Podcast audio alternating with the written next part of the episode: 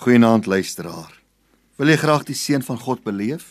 Ek glo dit is u verlange. Ek gee vir u vier sleutels wat hierdie seën sal ontsluit. Die eerste sleutel is die sleutel van gehoorsaamheid. Gehoorsaamheid sal die seën van die Here ontvang. En Johannes 3 vers 22 sê en wat ons ook al bid, ontvang ons van hom omdat ons sy gebooie bewaar en doen wat welgevallig is voor hom. 'n Ander vers in hierdie verband is Johannes 9 vers 31 wat sê en ons weet dat God nie sondaars verhoor nie, maar as iemand Godvreesend is en sy wil doen, die verhoor hy. Gehoorsaamheid is dus 'n belangrike sleutel vir seën in 'n mens se lewe. Die tweede beginsel of sleutel vir seën is gebed. Gebed is die middel waardeur die Christen hemelse gawes ontvang. Jakobus 4 vers 2 sê: "Julle begeer en julle het nie, en julle kan niks verkry nie omdat julle nie bid nie. Dit is so maklik soos dit. Die gelowige, die Christen wat bid, sal ontvang. Lukas 11 vers 9 sê en ek sê vir julle bid en vir julle sal gegee word. Begin vandag. Bid weer. Die derde sleutel vir 'n geseënde lewe is natuurlik geloof.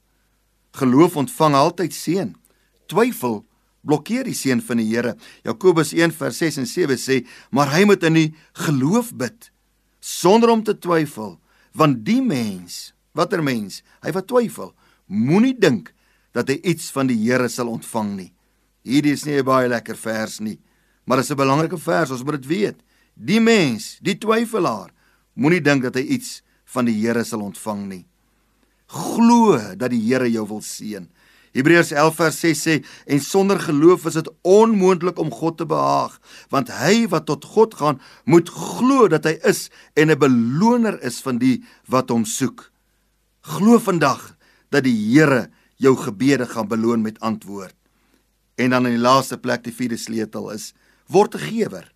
Seën ander en verkry self nog meer seën in jou lewe. Spreuke 11 vers 24 sê: Daar is een wat ruim uitdeel en nog meer kry en een wat terughou meer as wat reg is, maar tot sy gebrek. Word 'n gewer.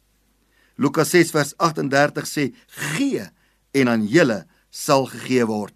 Mag u 'n baie geseënde lewe hê.